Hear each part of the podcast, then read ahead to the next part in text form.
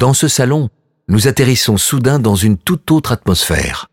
Nous sommes aux alentours des années 1700. Les Moretus viennent d'être anoblis. L'aïeul Plantin est mort depuis plus d'un siècle. Les Moretus reçoivent le titre d'écuyer. Cela requiert un style de vie concordant, rempli de luxe et de raffinement.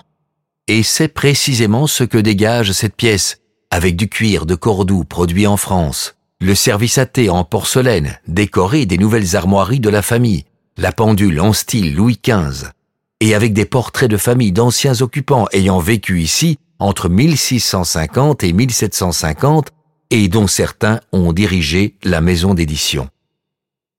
Au-dessus de la porte, en direction de la salle suivante, numéro 29, vous apercevez un portrait de jeunesse de Balthazar III Moretus et en face à droite, celui de sa femme, Anna Maria de Neuf.